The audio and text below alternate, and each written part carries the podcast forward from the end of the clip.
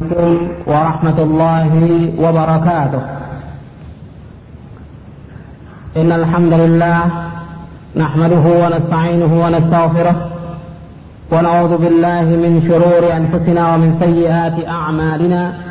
من يهده الله فلا مضل له ومن يضلل فلا هادي له. أشهد أن لا إله إلا الله وحده لا شريك له وأشهد أن محمدا عبده ورسوله. يا أيها الذين آمنوا اتقوا الله حق تقاته ولا تموتن إلا وأنتم مسلمون. يا أيها الناس اتقوا ربكم الذي خلقكم من نفس واحدة وخلق منها زوجها وبث منهما رجالا كثيرا ونساء واتقوا الله الذي تساءلون به والأرحام إن الله كان عليكم رقيبا. يا أيها الذين آمنوا اتقوا الله وقولوا قولا سديدا يصلح لكم أعمالكم ويغفر لكم ذنوبكم ومن يطع الله ورسوله فقد فاز فوزا عظيما. أما بعد فإن أصدق الحديث كتاب الله وخير الحديث هدي محمد صلى الله عليه وسلم وشر الأمور محدثاتها وكل محدثة بدعة. وكل بدعة ضلالة وكل ضلالة في النار Ikhwani fi din, a'azzakumullah. Saudara-saudara kaum muslimin yang dimuliakan oleh Allah. Pada kesempatan ini kita akan mengkaji satu hadis Rasulullah sallallahu alaihi wasallam yang berkenaan tentang masalah orang yang bangkrut kelak pada hari kiamat. Tentang masalah ini ada satu hadis Rasulullah sallallahu alaihi wasallam yang menjelaskan tentang orang yang bangkrut yang hakiki, orang yang pailit yang hakiki. Atau dalam bahasa hadisnya disebutkan orang yang muflis. Siapakah orang yang muflis itu? Kita akan mengkaji hadis ini dengan kaitan hadis-hadis yang lain dan juga dengan beberapa ayat Al-Quran yang menjelaskan uh, tentang beberapa masalah yang berkaitan tentang orang yang muflis ini. Saudara-saudara kaum muslimin yang dimuliakan oleh Allah, kita sebagai muslim, kita harus meyakini bahwa iman kepada Allah dan iman kepada yaumul akhir sering sekali disebutkan oleh Rasulullah sallallahu alaihi wasallam. Rasulullah sering menyebutkan man kana yu'minu billahi wal yaumil akhir. Barang siapa beriman kepada Allah dan kepada yaumul akhir. Masalah iman kepada Allah adalah iman yang penting. Begitu juga tentang iman kepada yaumul akhir. Rukun iman yang enam yang sudah kita yakini bahwasanya beriman kepada Allah, beriman kepada malaikat, beriman kepada kitab-kitabnya, beriman kepada rasul-rasulnya, beriman kepada yaumul akhir dan beriman kepada kadar baik dan buruk. Ini merupakan landasan hidup seorang mukmin. Jadi kalau dia menyatakan iman, dia harus imani semuanya. Nah, yang saya tekankan di sini tentang iman kepada yaumul akhir. Karena banyaknya orang yang lalai, lupa kepada Allah, bahkan sering berbuat maksiat, berbuat dosa-dosa besar, berbuat dosa-dosa yang paling besar, berbuat zalim, menganiaya orang lain disebabkan karena kurangnya keimanan dia kepada yaumul akhir. Dia tahu tentang adanya yaumul akhir, cuma kadang-kadang lupa. Kita harus ingat sebagai seorang mukmin, sebagai seorang muslim, bahwasanya kehidupan di dunia ini merupakan kehidupan yang fana dan akan berakhir. Dan setiap yang kita lakukan di dunia ini akan dipertanyakan oleh Allah pada hari kiamat. Dalam ayat-ayat banyak sekali disebutkan tentang yaumul akhir, bahwa dunia ini akan berakhir. Dunia ini sementara. Dunia ini sementara. Dunia ini bukan tujuan. Tujuan hidup seorang mukmin, seorang muslim adalah akhirat. Maka setiap muslim dia harus berhati-hati dalam hidupnya. Dalam dia beribadah kepada Allah, harus beribadah yang benar. Dalam bermuamalah, bermuamalah yang benar. Dalam berkeluarga, keluarga yang ditetapkan menurut syariat Islam dan yang lainnya. Jadi kehidupan dunia ini akan berakhir. Dalam Al-Quran banyak sekali Allah berfirman tentang yaumul akhir. Di antaranya Allah berfirman, "Wattaqu yawman turja'una fi ila Allah, thumma tuwaffa kullu nafsin ma kasabat wa hum la yuzlamun." Allah berfirman dalam surah Al-Baqarah ayat 281, "Wattaqu yawman turja'una fi ila Allah." Hendaklah kalian takut kepada satu hari yang kalian akan dikembalikan kepada Allah. Kemudian setiap jiwa akan disempurnakan dari apa-apa yang dia telah usahakan. Dan tidak sekali-kali mereka dizalimi oleh Allah SWT. Semua disempurnakan menurut amalnya. Seperti disebutkan dalam ayat yang lain. Jadi may ya'mal mithqala dzarratin khairan yarah wa may ya'mal mithqala dzarratin syarran yarah. Barang siapa yang beramal sedikit saja dari kebaikan, dia akan lihat kebaikan itu. Barang siapa beramal sedikit saja dari kejelekan, dia akan melihat kejelekan itu. Dan banyak lagi ayat-ayat yang lain. Dan ingat pada hari kiamat, semua manusia akan diajak bicara oleh Allah SWT dan masing-masing mempertanggungjawabkan tentang amalan yang dilakukan di dunia ini. Bapak dan saudara-saudara yang dimuliakan oleh Allah, hadis yang saya akan sampaikan ini diriwayatkan dari eh, sahabat Abu Hurairah. An Abi Hurairah anna Rasulullah sallallahu alaihi wasallam qala Atadruna mal muflis قالوا المفلس فينا من لا درهم له ولا متاع. فقال إن المفلس من أمتي يأتي يوم القيامة بصلاة وصيام وزكاة ويأتي قد شتم هذا وقذف هذا وأكل مال هذا وسفك دم هذا وضرب هذا. فيعطى هذا من حسناته وهذا من حسناته. فإن فنيت حسناته قبل أن يقضى ما عليه أخذ من خطاياهم فطرحت عليه ثم طرح في النار. رواه مسلم وأحمد والترمذي. وقال الترمذي هذا حديث حسن صحيح. Artinya An Abi Hurairah dari Abi Hurairah anna Rasulullah sallallahu alaihi wasallam qaal bahwasanya Rasulullah sallallahu alaihi wasallam bersabda Atadruna mal muflis? Rasulullah bertanya kepada para sahabat Atadruna mal muflis? Tahukah kalian siapa yang dikatakan muflis itu. Tahukah kalian siapakah orang yang dikatakan muflis? Orang yang dikatakan bangkrut, pailit. Siapa mereka itu? Jadi orang yang dikatakan tofran, tofran, muflis, bahasa kita bangkrut atau pailit, siapa mereka itu? Kalau mereka menjawab, para sahabat menjawab, Al-muflisu fina man la dirham mata'. Kata para sahabat, Orang yang muflis di antara kita yaitu orang yang tidak mempunyai harta dan tidak mempunyai benda. Artinya orang yang tidak mempunyai harta benda. Itu orang yang muflis.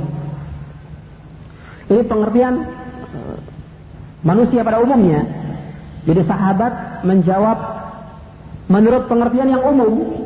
Jadi kalau di masyarakat kita tanya siapa orang yang bangkrut, mereka akan menjawab demikian. Orang yang bangkrut itu yaitu orang yang dulunya kaya raya, mempunyai kekayaan, mempunyai harta benda yang banyak. Kemudian tiba-tiba dia jatuh dagang. Jatuh dagang. Hancur harta bendanya, habis harta bendanya. Ini yang dikatakan orang yang muflis, orang yang bangkrut. Atau orang yang tadinya kerja dengan gaji yang besar. Tiba-tiba dia berhenti kerja dan habis harta bendanya. Ini juga dikatakan orang yang bangkrut. Atau Orang yang mempunyai harta benda yang banyak sekali, kemudian ditimpa penyakit yang berat karena dia banyak berbuat dosa, kemudian habis harta bendanya. Bahkan sekarang dia minta-minta kepada orang lain. Ini juga dikatakan orang yang bangkrut, orang yang muflis. Itu menurut pengertian umumnya manusia. Demikian pengertian orang yang muflis, orang yang bangkrut, orang yang pailit. Tapi kita melihat penjelasan Rasulullah sallallahu alaihi wasallam. Rasulullah menjawab, Innal muflisa min ummati يأتي يوم القيامة بصلاة وصيام وزكاة ويأتي قد شتم هذا وقذف هذا وأكل مال هذا وسفك دم هذا وضرب هذا.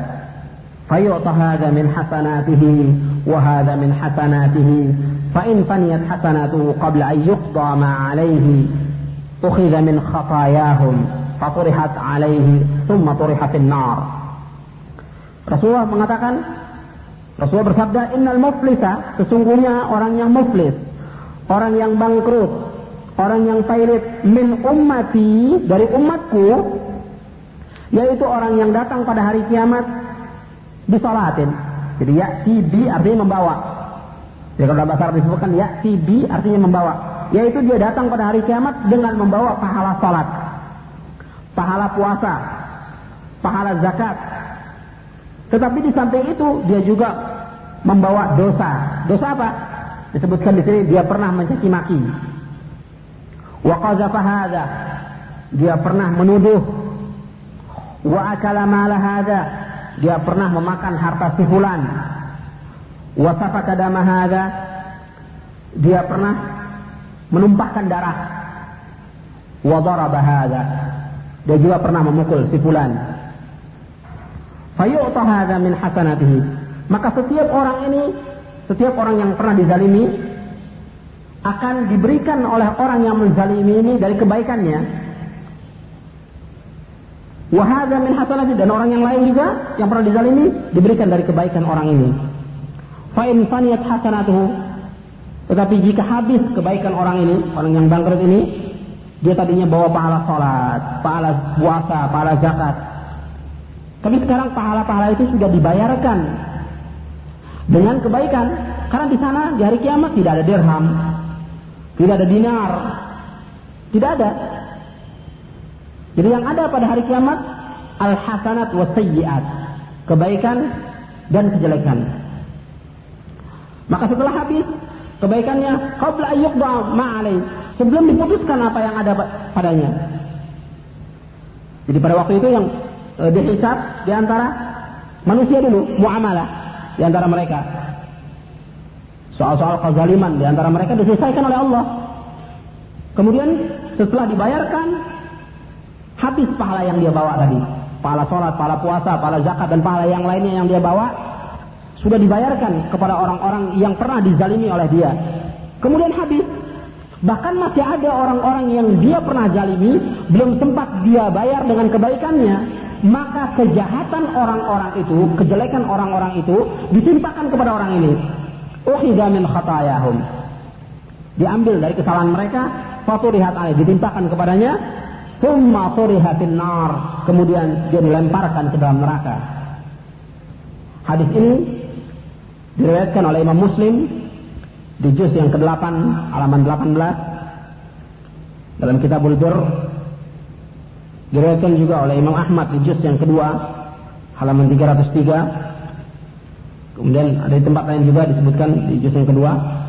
Kemudian hadis ini juga diriwayatkan oleh Tirmizi di nomor 2533 dan Tirmizi berkata hadisun hasan sahih. Hadis ini derajatnya hasan sahih hadis ini sahih Hadis ini juga uh, dimasukkan oleh Syekh Muhammad Nasr Al-Albani dalam kitabnya uh, Silsilah Hadis Sahih. Kemudian juga dimasukkan dalam Sahih Jami' Saghir. Kemudian dimasukkan dalam kitab Ahkamul Janaiz. Dan hadis ini sahih. Disahihkan juga oleh para ulama yang lainnya. Uh, soal derajat hadis sahih. Sekarang kita bicarakan soal isinya dari hadis ini. Ya Rasulullah Shallallahu Alaihi Wasallam bertanya kepada para sahabat. Yang pertanyaan ini yang dikatakan oleh para ulama soalul irsyad. Jadi soalul irsyad artinya pertanyaan yang tujuannya untuk membimbing para sahabat. Jadi Rasulullah ingin menjelaskan sesuatu, Rasulullah bertanya kepada para sahabat. Tujuannya membimbing mereka untuk menjelaskan satu hadis atau sunnah-sunnah yang lainnya. Rasulullah bertanya, siapakah orang yang muflis, orang yang bangkrut, orang yang kafran itu? Mereka menjawab secara umumnya masyarakat bahwa orang yang bangkrut itu orang yang tidak punya harta benda. Tapi Rasulullah menjelaskan orang yang muflis hakiki, orang yang bangkrut hakiki, orang yang tofron hakiki, yaitu orang yang tofron, orang yang muflis, orang yang bangkrut, yang pailit pada hari kiamat. Itu pailit yang hakiki. Jadi kalau ada hari ini, pada hari ini ada orang yang bangkrut, orang yang pailit dalam masalah harta, jatuh dagang, jatuh usahanya, itu belum seberapa. Artinya masih bisa dia berusaha lagi, masih bisa dia mengembangkan lagi, masih bisa dia mencari modal lagi, masih bisa dia bekerja lagi. Masih mungkin selama masih dia hidup di dunia masih mungkin. Tapi kalau bangkrut atau payung pada hari kiamat sudah nggak mungkin. Tidak mungkin. Bangkrut yang hakiki. Yaitu orang yang datang pada hari kiamat. Dia bawa pahala sholat, pahala puasa, pahala zakat. Kalau disebutkan cuma tiga di sini, bawa pahala sholat, pahala puasa, pahala zakat. Bukan berarti hanya tiga saja. Umpamanya dia mengerjakan haji, dia bawa pahala haji atau dia mengerjakan sedekah-sedekah yang lain atau sholat-sholat sunat yang lain dia kerjakan. Dia bawa pahala itu semuanya. Tapi di samping itu dia pernah mencaci maki. Atau umpamanya dia tidak mencaci maki, tapi pernah menuduh seseorang. Atau dia pernah memakan harta orang. Atau dia pernah menumpahkan darah. Atau dia pernah memukul orang yang tidak berbuat salah, dia pukul. Maka semua orang-orang yang pernah dia zalimi akan menuntut pada hari kiamat akan meminta keadilan. Maka Allah berikan kebaikan dari orang-orang yang berbuat zalim ini, kebaikan yang diberikan kepada orang-orang yang dizalimi sampai habis. Nah kalau sudah habis, berarti dia bangkrut. Tadinya bawa pahala yang banyak, kemudian habis. Ini bangkrut yang hakiki. Kalau sudah seperti ini, habis. Tidak ada lagi yang bisa menolong dia. Maka dilemparkan dia ke dalam neraka. Na'udzubillah. Di dalam hadis yang lain, Rasulullah sallallahu alaihi wasallam bersabda, "Man mata wa alaihi dainun, falaysa thamma dinarun wala dirhamun, walakinnaha al-hasanat was-sayyi'at." Akhrajahu al-Hakim wa Ibnu Majah bi isnad sahih. Rasulullah bersabda, barang siapa yang mati sedangkan dia mempunyai hutang, nanti pada hari kiamat tidak ada dinar, tidak ada dirham. Jadi kalau uang kita tidak ada rupiah, tidak ada lagi. Tidak ada emas, tidak ada perak yang dipakai untuk membayar, tidak ada lagi. Tidak ada dolar, tidak ada lagi itu semuanya. Tapi yang ada pada hari kiamat al hasanat wa sayyiat. Kebaikan dan kejahatan.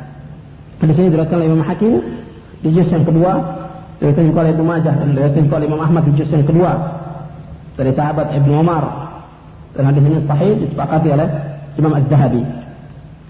Kita akan bahas satu persatu tentang dosa orang-orang yang menzalimi orang lain ini. Jadi nggak mesti semuanya yang dia menzalimi, tapi bisa saja dia bawa pahala sholat, pahala puasa, pahala zakat, kemudian dia pernah mencaci maki. Masalah mencaci maki ini bukan masalah dosa kecil, dosa besar. Nabi sallallahu alaihi wasallam bersabda, "An Abdullah bin Mas'ud, an Nabi sallallahu alaihi wasallam qala, sibabul muslimi fusuqun wa qitaluhu kufrun akhrajahu al-Bukhari wa Muslim. Dari Abdullah bin Mas'ud bahwasanya Nabi sallallahu alaihi wasallam bersabda mencaci maki orang muslim itu fasik dan memerangi orang muslim itu merupakan kufur. Hadis ini diriwayatkan oleh Imam Bukhari dan Muslim. Jadi mencaci maki seorang muslim fasik, perbuatan yang fasik, perbuatan yang melanggar dosa, dosa besar. Dan memerangi orang muslim kufur. Jadi mencaci maki sesama muslim tidak dibolehkan. Membicarakan aibnya saya tidak dibolehkan. Apalagi mencaci maki. Orang tidak salah dicaci maki. Dilaknat. Tidak boleh. Hukumnya haram. Atau ada orang mencaci maki kedua orang tuanya. Dalam hadis disebutkan minal kabair syatmur rajul walidayh Termasuk dosa besar seseorang mencaci maki kedua orang tuanya. Ya orang tuanya yang melahirkan dia, yang mengurus dia dicaci maki. Ini anak yang seperti anak yang durhaka. Dosanya bukan dosa kecil, dosa besar. Jadi bisa dia mencaci maki langsung, bisa juga dia mencaci maki orang lain, yang orang lain itu mencaci maki orang tuanya. Ini pun termasuk dosa besar. Mencaci maki langsung, jelas dosa besar. Dosa besar yang paling besar. Sebab mengatakan uff saja kepada orang tua Itu tidak boleh, haram hukumnya. Nah sekarang dia mencaci maki orang lain. Yang orang lain itu mencaci maki orang tuanya atau dia mencaci maki orang tua orang tua seorang, kemudian orang orang itu mencaci maki orang tuanya. Ini tidak boleh, hukumnya haram. Jadi mencaci maki yang sifatnya umum pada seorang muslim dosa besar. Kemudian mencaci maki orang tua juga termasuk dosa besar. Tapi yang lebih berat lagi kalau seseorang ini sudah berat, Bu. Kepada orang tua sudah berat. Sekarang kalau seandainya ada seseorang mencaci maki para sahabat seperti yang dilakukan oleh orang-orang Syiah, mencaci maki para sahabat, ini bukan dosa kecil, dosa besar. Nabi Shallallahu Alaihi Wasallam dalam satu hadisnya bersabda, "An Abi Hurairah qala, qala Rasulullah Shallallahu Alaihi Wasallam, la tasubbu ashabi, fawalladhi nafsi biyadihi, law anna ahadakum anfaqa misla Uhudin zahaban, ma adraka mudda ahadihim wala nasifah." Rawahu Muslim. Dari Abi Hurairah ia berkata, telah bersabda Rasulullah Sallallahu Alaihi Wasallam, Jangan sekali-kali kalian mencaci maki para sahabatku. Demi yang diriku di tangannya. Diriku di tangan di tangan Allah. Kalau seandainya seseorang dari kamu infak sebesar gunung Uhud emas, infaknya emas sebanyak gunung Uhud atau sebesar gunung Uhud, infak emas itu belum mencapai derajat seorang sahabat Nabi dan belum juga mencapai separuhnya. Hadis ini diriwayatkan oleh Muslim dengan sanad yang sahih. Tidak semua orang yang mencaci maki para sahabat, ini dosanya bukan dosa kecil, dosa besar. Para sahabat sudah berjuang membela Islam, memperjuangkan Islam, menghadapi orang-orang kufar, dan mereka berperang kalau kita lihat kisah hidup mereka luar biasa. Bayangkan mereka berperang di terik panas matahari sampai kuku-kuku kaki mereka terkelupas. Kemudian mereka berjuang dengan sungguh-sungguh siang dan malam. Dan bukan hanya sekali peperangan itu, berkali-kali melawan orang-orang kufar. Mereka berjuang betul-betul untuk Islam. Kemudian tiba-tiba ada orang yang belakangan mencela mereka. Tidak menghargai mereka, tidak ihtiram padahal Allah telah menghargai mereka. Di antara mereka yang Allah jamin masuk surga langsung pada waktu mereka masih hidup disebutkan oleh Rasulullah SAW mereka masuk surga. Ada di antara mereka yang jelas Allah sebutkan dalam Al-Quran secara keseluruhan bahwa mereka radhiyallahu anhum wa radu'an. Allah telah meridai mereka. Mereka pun redha dengan keputusan Allah. Ini para sahabat ridwanullah alaihim ajma'in. Maka tidak boleh sekali-kali mencaci maki para sahabat. Dan orang yang mencaci maki para sahabat sudah berdosa besar. Tapi kalau dia tahu, kemudian diingatkan bahwa itu tidak boleh haram, dia masih mencaci maki, berarti dia sudah melanggar bahkan bisa dikatakan kafir orang itu. Orang yang mencaci maki para sahabat bisa dikatakan kafir. Karena apa? Dia mempunyai tujuan dengan mencaci maki para sahabat, orang tidak akan mengambil lagi sunnah. Karena jalannya sunnah sampai kepada kita melalui sahabat, tidak langsung yang mereka terima dari Nabi, kemudian para sahabat ini mengkodifikasi sunnah ini kemudian disampaikan kepada para tabi'in. Pada zaman sahabat memang belum dikodifikasi sunnah itu.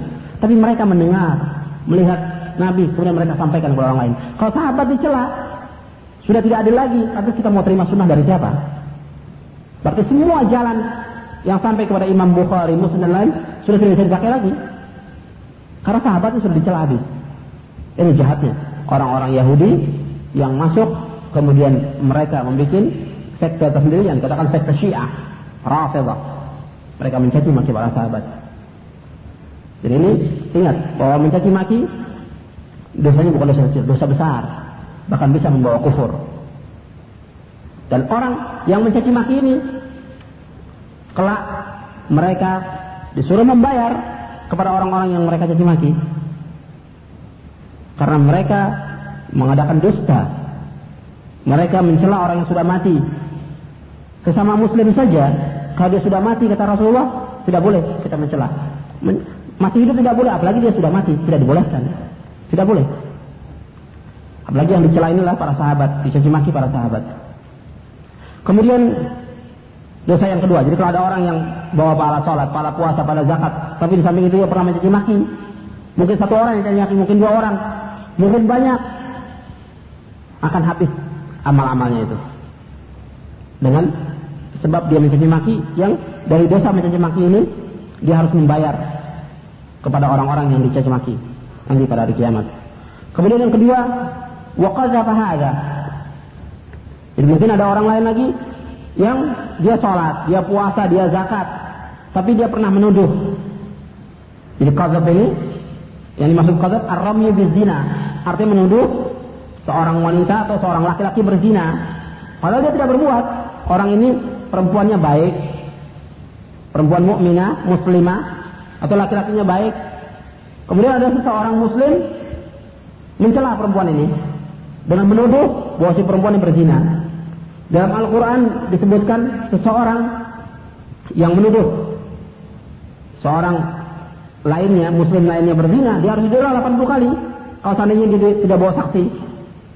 Allah berfirman di dalam surah An-Nur, surah yang ke-24, ayat 4, Allah berfirman, والذين يرمون المحصنات ثم لم يأتوا بأربعة شهداء فاجلدوهم ثمانين جلدة ولا تقبلوا لهم شهادة أبدا وأولئك هم الفاسقون إلا الذين تابوا من بعد ذلك وأصلحوا فإن الله غفور رحيم dalam surah An-Nur surah 24 ayat 4 dan 5 Allah berfirman dan orang-orang yang menuduh wanita-wanita yang baik-baik berbuat zina dan mereka tidak mendatangkan empat orang saksi maka deralah mereka yang menuduh itu 80 kali derah. Dan janganlah kamu terima kesaksian mereka buat selama-lamanya. Dan mereka itulah orang-orang yang fasik. Kecuali orang-orang yang bertaubat sesudah itu dan memperbaiki dirinya maka sungguhnya Allah maha pengampun lagi maha penyayang. Nah Allah menyebutkan dalam ayat ini orang-orang yang menuduh perempuan-perempuan yang baik berzina maka orang ini harus digerak 80 kali jadi kalau seseorang menuduh seorang berzina, dia harus membawa saksi empat orang saksi. Artinya dia melihat kejadian itu langsung dengan empat orang saksi. Kalau dia tidak lihat, satu orang saja tidak diterima. Satu orang saja. Saya lihat dia jalan bersama laki-laki. Tapi belum tentu dia berzina. Betul, dia berbuat dosa. Dosa besar berjalan dengan laki-laki yang bukan mahramnya. Tapi kita menuduh orang itu berzina, tidak boleh. Tidak boleh. Jadi harus hati-hati dalam masalah ini menuduh seorang perempuan yang baik berzina hukumnya haram dan dosa besar. Dalam hadis yang lain juga Nabi bersabda, "Ijtanibus sab'al mubiqat." Jauhkan tujuh dosa besar. Di antaranya Nabi menyebutkan yaitu di terakhirnya waqadful muhsanatil mu'minat al-ghafilat. Menuduh seorang perempuan yang baik-baik berzina. Dalam hadis yang sayang oleh Imam Bukhari, Muslim dan lainnya. Jadi menuduh seorang wanita berzina seorang wanita mukminah, muslimah berzina, ini bukan dosa kecil, dosa besar. Kalau seandainya dia pernah menuduh seorang wanita, yang wanita ini dia tidak berbuat. Kalau dilaksanakan hukum Islam, maka orang yang menuduh ini harus dijerat 80 kali menurut syariat Islam. Menurut surah An-Nur di ayat 4 harus dijerat 80 kali. Kemudian setelah itu dia tidak boleh lagi diterima kesaksiannya. Karena mereka adalah orang-orang fasik. Kecuali kalau dia bertobat dengan betul-betul taubat, maka masih mungkin untuk diterima tobatnya.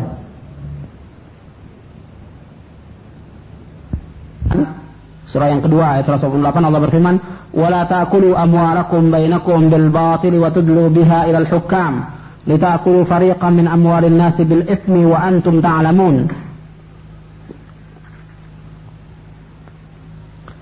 Artinya, "Wala ta'kulu amwalakum bainakum bil batil." Dan janganlah kamu makan harta kamu di antara kamu dengan cara yang batil. Wa tudlu biha ilal hukam. Dan engkau bawa permasalahan itu kepada hakim.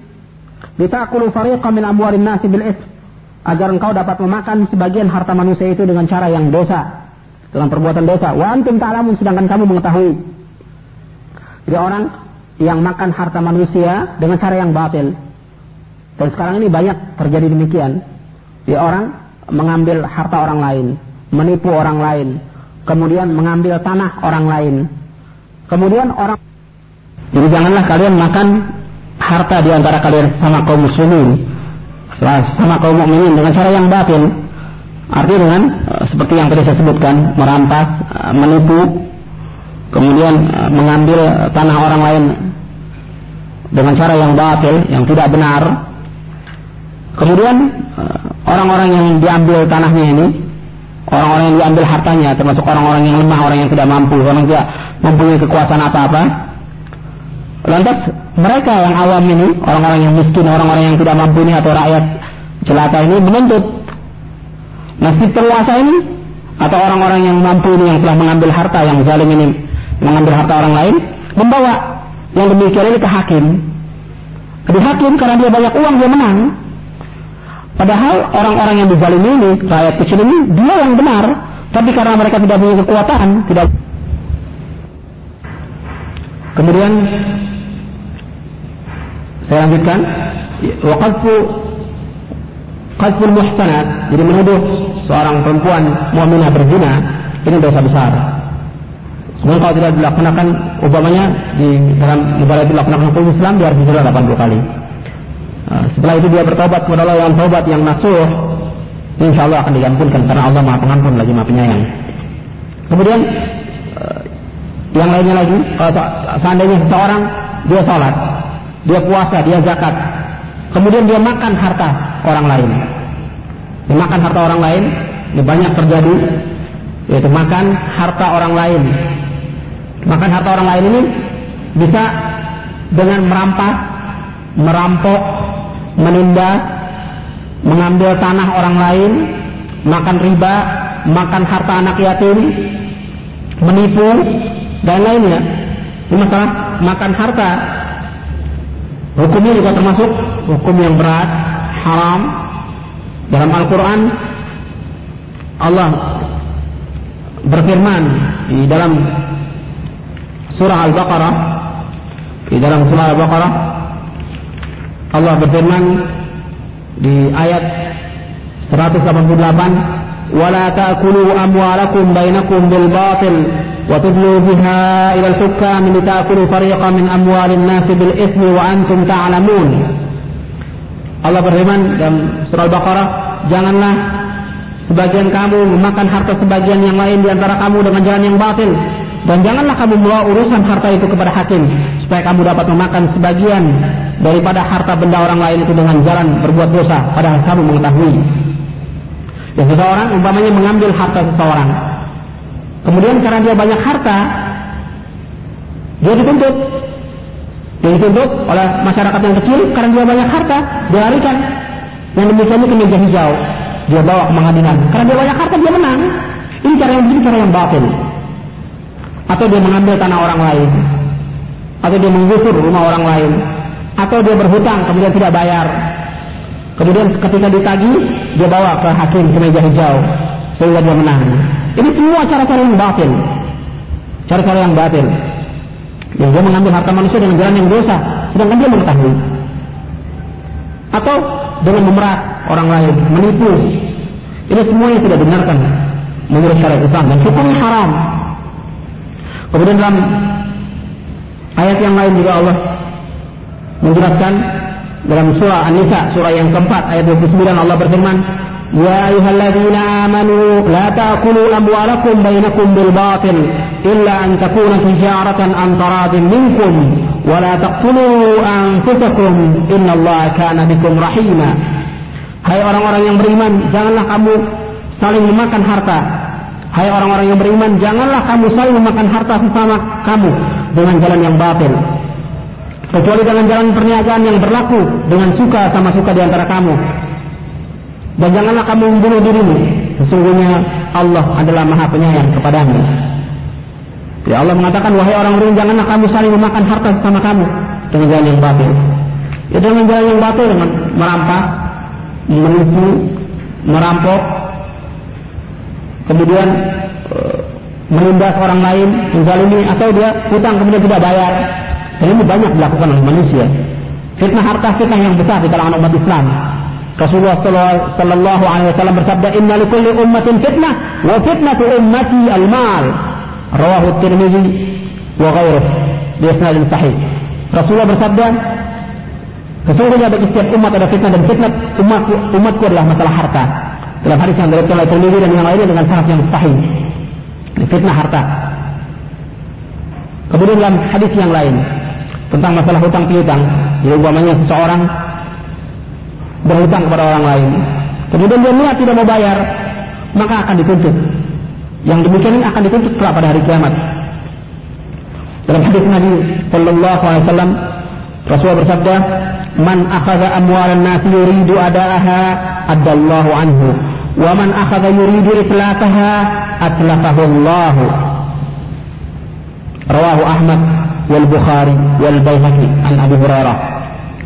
Dari Abi Hurairah ia berkata telah bersabda Rasulullah sallallahu alaihi wasallam Barang siapa yang mengambil harta manusia yang dia ingin menyelesaikan artinya dia ingin bayar maka Allah akan bayarkan baik di dunia maupun di akhirat dan barang siapa yang mengambil harta manusia tujuannya untuk merusak maka Allah akan rusak dia. Allah akan hancurkan. Meskipun kelihatannya dia kaya uang yang dia peroleh hari ini dengan sebab menipu dengan sebab memanipulasi dengan sebab mengambil harta orang lain dengan sebab memakan harta warisan akan hancur. Allah akan hancurkan. Harta itu tidak ada barokahnya. Allah akan hancurkan. Itu di dunia, di akhirat orang-orang yang pernah dizalimi itu akan menuntut kelak pada hari kiamat. Di dunia sudah hancur orang begitu tidak ada berkahnya. Kalau dia berhutang dengan tidak membayarnya atau dia mengambil harta orang lain untuk dihancurkan Allah akan hancurkan dia. Hadis ini sahih dari Imam Ahmad Bukhari dan Hafiz. Dalam hadis yang lain Rasulullah bersabda, "Man akhadha bainan wa huwa yuridu an yu'addiyahu anahu Allah." Barang siapa yang berhutang dan dia ingin menyelesaikan hutang itu, maka Allah akan tolong. Hadis ini sahih dari Imam Nasai dan disahkan oleh Syekh Al-Bani dalam kitabnya Sahih Jami' Sahih. Hadis ini diriwayatkan dari sahabat Maimunah. Dalam masalah tanah juga begitu. Dalam masalah hutang, ini hati bukan berarti tidak boleh hutang, tapi hutang itu harus ditentukan soal waktunya. Karena kita tidak bisa lepas dalam hidup ini dari soal hutang piutang, tapi harus diselesaikan, harus dibayarkan hutang itu. Tidak boleh kita hutang kemudian tidak bayar. Harus tepati janji itu soal waktunya. Bahkan ayat yang terpanjang dalam Al-Quran, satu ayat yang terpanjang dalam Al-Quran dalam masalah hutang. Dalam surah Al-Baqarah. Jadi kita harus menyelesaikan. Kemudian juga masalah memakan harta anak yatim. Sering uh, terjadi orang-orang yang mengurus harta anak yatim karena warisan orang tuanya itu banyak. Nah yang mengurus, apakah yang mengurus ini kakaknya atau pamannya? Kadang-kadang mereka mengurus dengan memakan harta itu. Padahal yang mengurus ini pamannya bukan orang yang tidak mampu, mampu, orang kaya. Bukan dia urus harta anak yatim itu malah dimakan. Nah Allah mengancam kepada orang-orang yang seperti ini di dalam surah Ali Imran, eh, surah An-Nisa.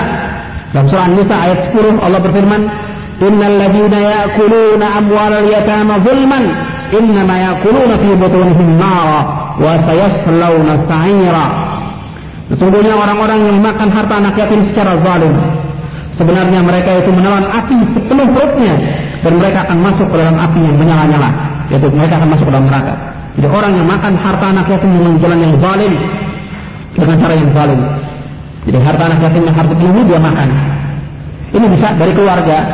Dari keluarga eh, seorang tuanya meninggal, kemudian dari keluarga, dari pamannya, dari bibinya, dari misangannya, itu dari sanak familinya mengurus harta anak yatim itu bukannya dia urus tapi dia makan. Atau pengurus panti-panti asuhan yang diamanatkan harta ini untuk anak yatim dia makan. Bentuknya apa saja? Apakah bentuknya pakaian, uang, makanan? Ingat, anak yatim ini harus dikasihani. Harus dikasihani. Bahkan Nabi menanjurkan untuk memberikan sesuatu kepada anak yatim. Selalu Nabi anjurkan. Bahkan kita disuruh mencintai anak-anak yatim itu. Dan didik mereka secara Islam agar mereka berjalan jalan yang benar. Bukan dizalimi, bukan dimakan hartanya. Jadi kepada siapa saja yang mengurus harta anak yatim ini, apakah paman, bibi, anak saudara, panti-panti asuhan, atau pengurus-pengurus anak yatim, perhatikan masalah ini. So, kalau ini tidak diselesaikan akan ditanya oleh Allah kelak pada hari kiamat. Kemudian orang-orang yang mengambil harta orang lain bukannya bentuknya uang tapi bentuknya tanah. Ini banyak terjadi seperti ini. Menggusur tanah orang lain atau mengukur tanah jual beli kemudian tidak adil, tidak benar mengukurnya. Terutama yang dibeli ini orang-orang yang awam tidak ngerti sama sekali orang-orang desa orang-orang yang memang uh, tidak mengerti soal yang demikian ini, mereka dizalimi. Nah Allah akan tuntut kelak pada hari kiamat.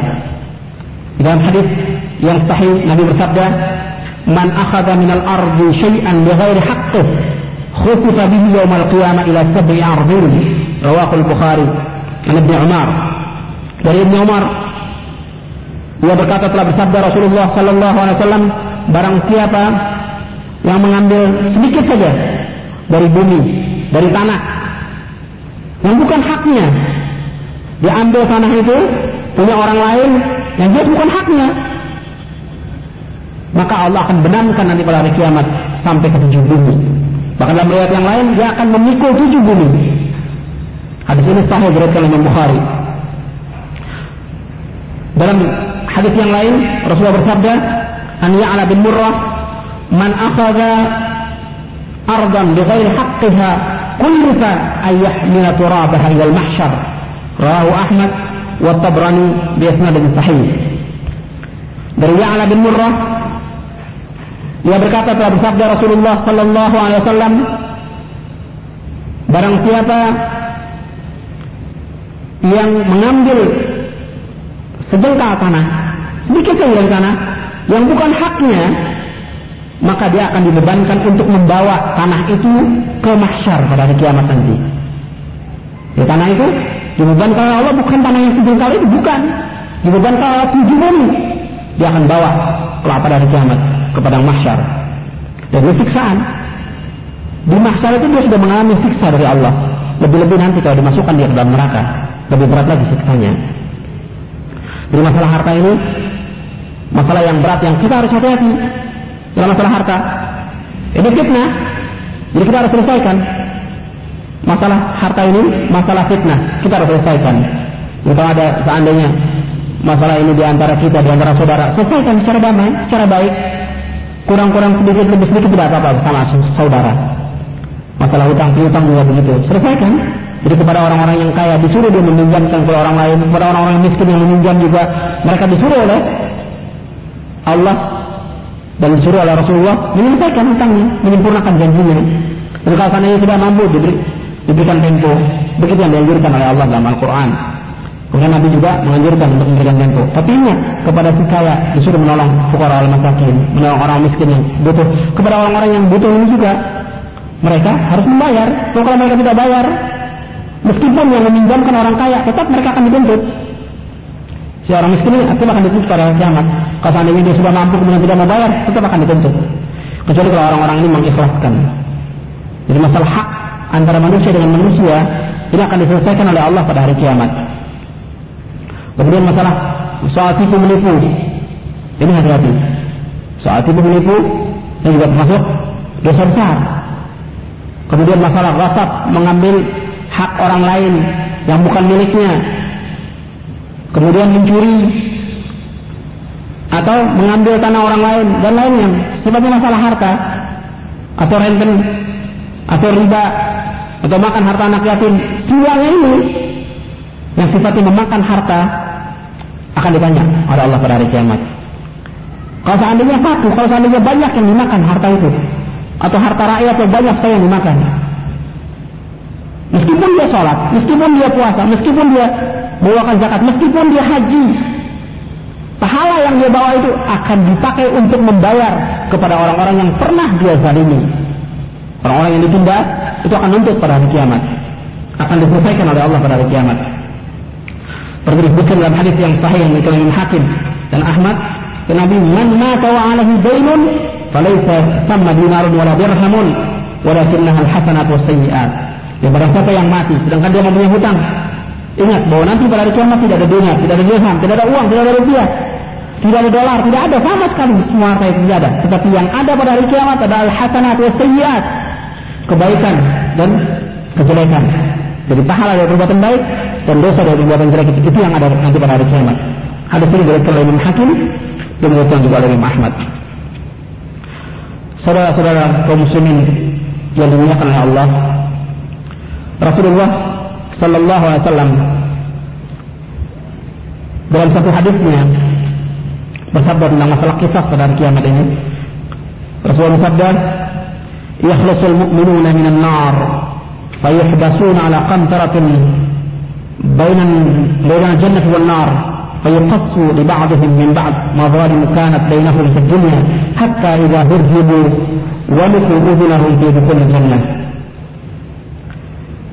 Dalam hadis yang saya lihat dalam Bukhari Rasulullah bersabda, orang mukmin ini akan dibebaskan dari api neraka atau dibersihkan dari api neraka ini kemudian mereka ditahan di jembatan antara surga dan neraka.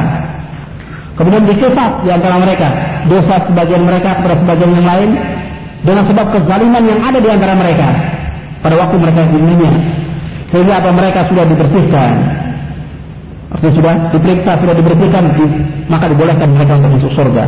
Itu dibereskan dulu. Ya dosa-dosa mereka kepada Allah akan dibereskan dengan dimasukkan ke neraka. Kemudian dosa-dosa di antara manusia sesama manusia juga akan dibereskan oleh Allah. Jika seandainya seseorang bertaubat kepada Allah itu masih mungkin taubat yang diterima kafur rahim. Tapi yang berat ini kalau dosa itu kepada manusia. Dia pernah berbuat kepada manusia. Kalau orang itu tidak meredai arti haknya diambil dia akan nuntut pada hari kiamat kemudian yang lain lagi dosa yang lain lagi disebutkan dalam hadis ini yaitu wasafa kadama hadza. Dia pernah umpamanya menumpahkan darah. Menumpahkan darah dalam Islam ini termasuk dosa besar. Jadi membunuh seseorang terutama orang itu orang mukmin, ini bukan dosa kecil, dosa besar. Di dalam Al-Qur'an Allah menyebutkan di dalam surah An-Nisa ayat 93 Allah berfirman, "Wa may yaqtul mu'minan muta'ammidan fajaza'uhu jahannam خالدا فيها وغضب الله عليه ولعنه وأعد له عذابا عظيما dan barang siapa yang membunuh seorang mukmin dengan sengaja maka balasannya ialah jahannam dia kekal dalamnya dan Allah murka kepadanya dan mengutuknya serta menyediakan azab yang besar baginya jadi orang yang membunuh orang mukmin dengan sengaja yang pertama balasannya jahannam dia kekal dalamnya kemudian Allah akan murka kepadanya Allah akan laknat dan Allah akan sediakan azab yang pedih. Di ayat 92 nya di surah Nisa ini disebutkan tidak pantas bagi seorang mukmin membunuh mukmin yang lain. Kecuali kalau seandainya seorang mukmin ini keliru. Mulai dia tidak sengaja memburu binatang kemudian yang kena bukannya binatang itu tapi yang kena orang mukmin umpamanya karena tidak sengaja. Yang seperti ini dosanya karena tidak sengaja dia harus menebus dosa itu kafara kafara dengan apa yaitu dia harus memerdekakan seorang hamba dan dia harus membayar diat yang diserahkan kepada keluarganya. Kecuali kalau keluarganya merelakan, dia harus bayar diat itu. Dalam hadis disebutkan 100 ekor onta, tidak sedikit. Besar sekali orang yang membunuh dengan tidak sengaja. Tapi orang yang membunuh dengan sengaja, dia berdosa besar. Dia berdosa besar. Ada masalah ini para ulama ikhtilaf tentang masalah apakah orang yang membunuh orang mukmin masih diterima taubatnya atau tidak. Menurut pendapat jumhur, Orang yang membunuh siapa saja, kemudian dia taubat kepada Allah dengan taubat yang nasuh, taubat yang ikhlas, taubat yang benar, ini akan diterima taubatnya oleh Allah Subhanahu wa taala.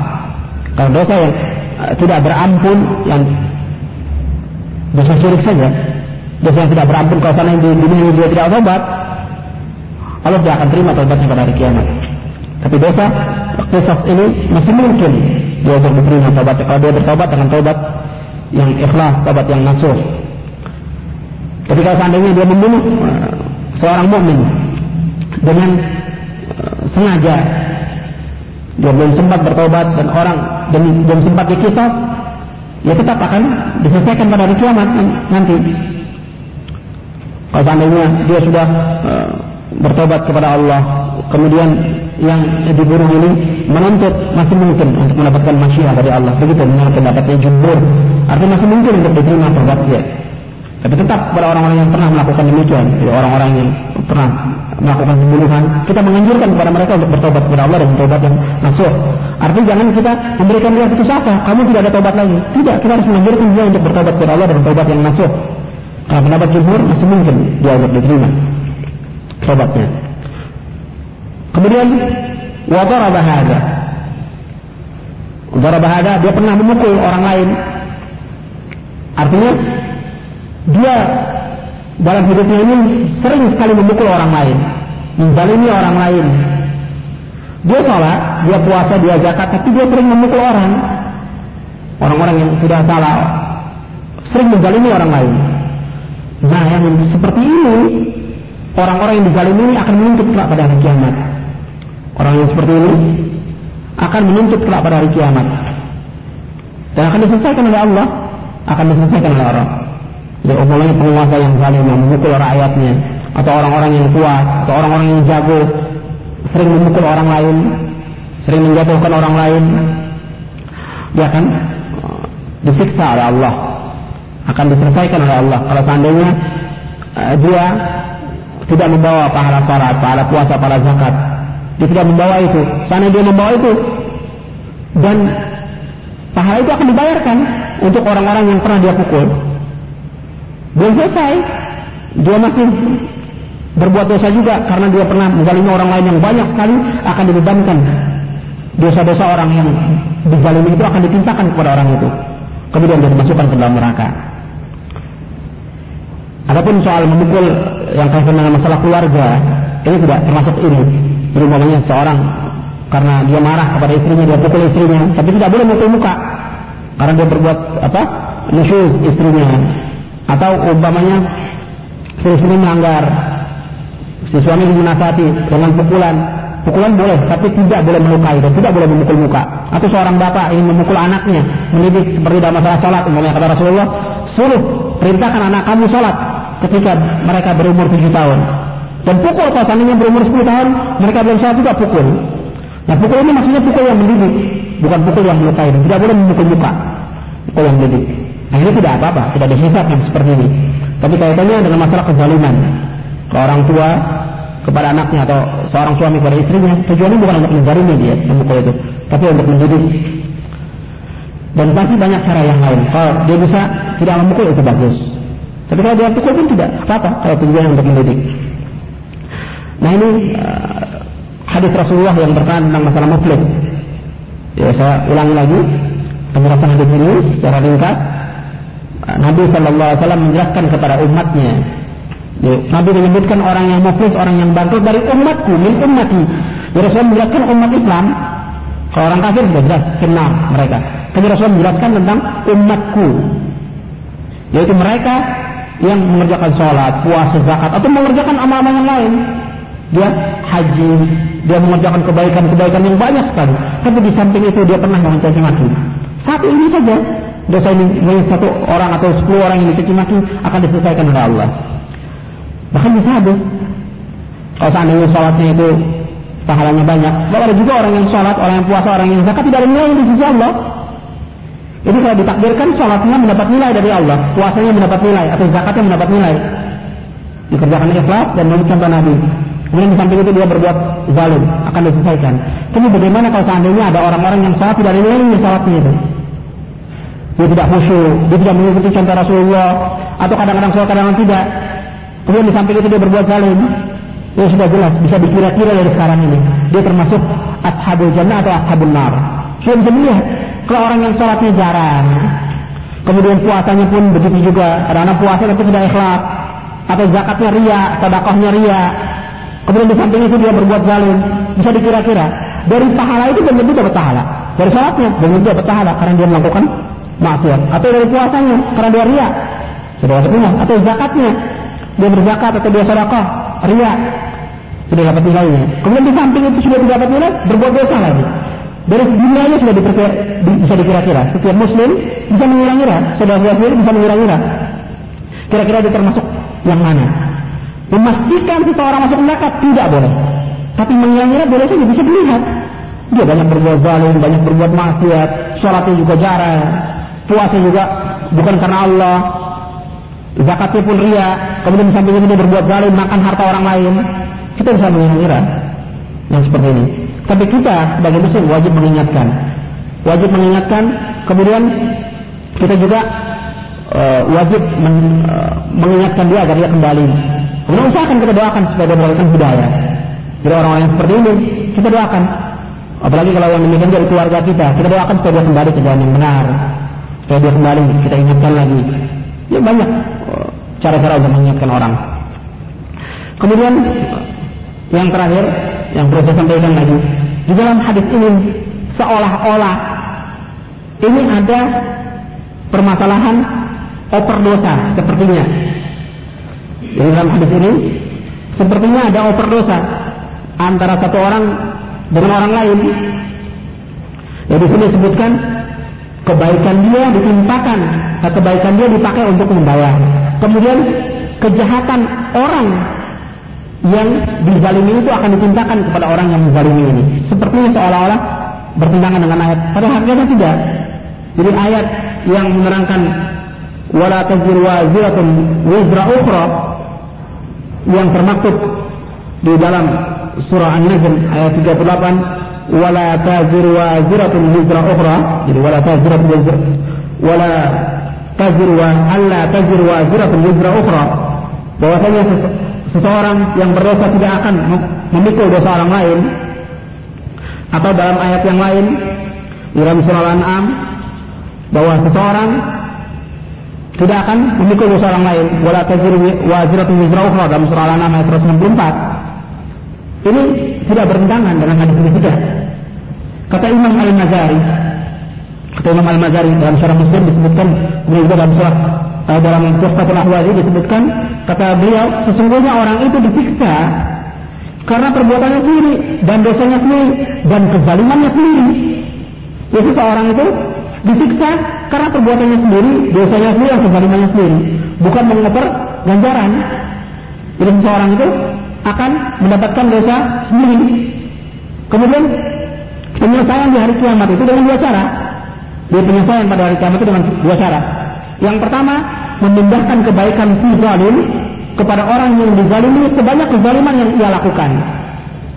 Kemudian cara yang kedua, cara yang kedua yaitu memindahkan kejahatan atau dosa orang yang dizalimi kepada orang yang menzalimi. Bila orang yang menzalimi tidak mempunyai kebaikan. Saudara-saudara kaum muslimin yang dimuliakan Allah, ini saja yang perlu saya sampaikan tentang masalah orang yang bangkrut kelak pada hari kiamat bahwa orang ini sudah membawa pahala segala macam kemudian dia habis untuk membayarkan dan ini adalah tidak ada istilah oper dosa tapi dia mendapatkan dengan sebab perbuatan dosa dan kezaliman dia sendiri. Ini saya yang perlu saya sampaikan. Uh, mudah-mudahan apa yang saya sampaikan yang bermanfaat dan dapat kita amalkan. Dan mudah-mudahan kita tidak termasuk orang-orang yang bangkrut tidak termasuk orang-orang yang pailit jadi kita berusaha bagaimana kita menjaga diri kita dalam bermuamalah di antara sesama kita yang sampai kita berbuat zalim. Saya cukupkan sampai di sini. Subhanakallahumma wa bihamdika asyhadu an la ilaha illa anta astaghfiruka wa atubu ilaik. Assalamualaikum warahmatullahi wabarakatuh.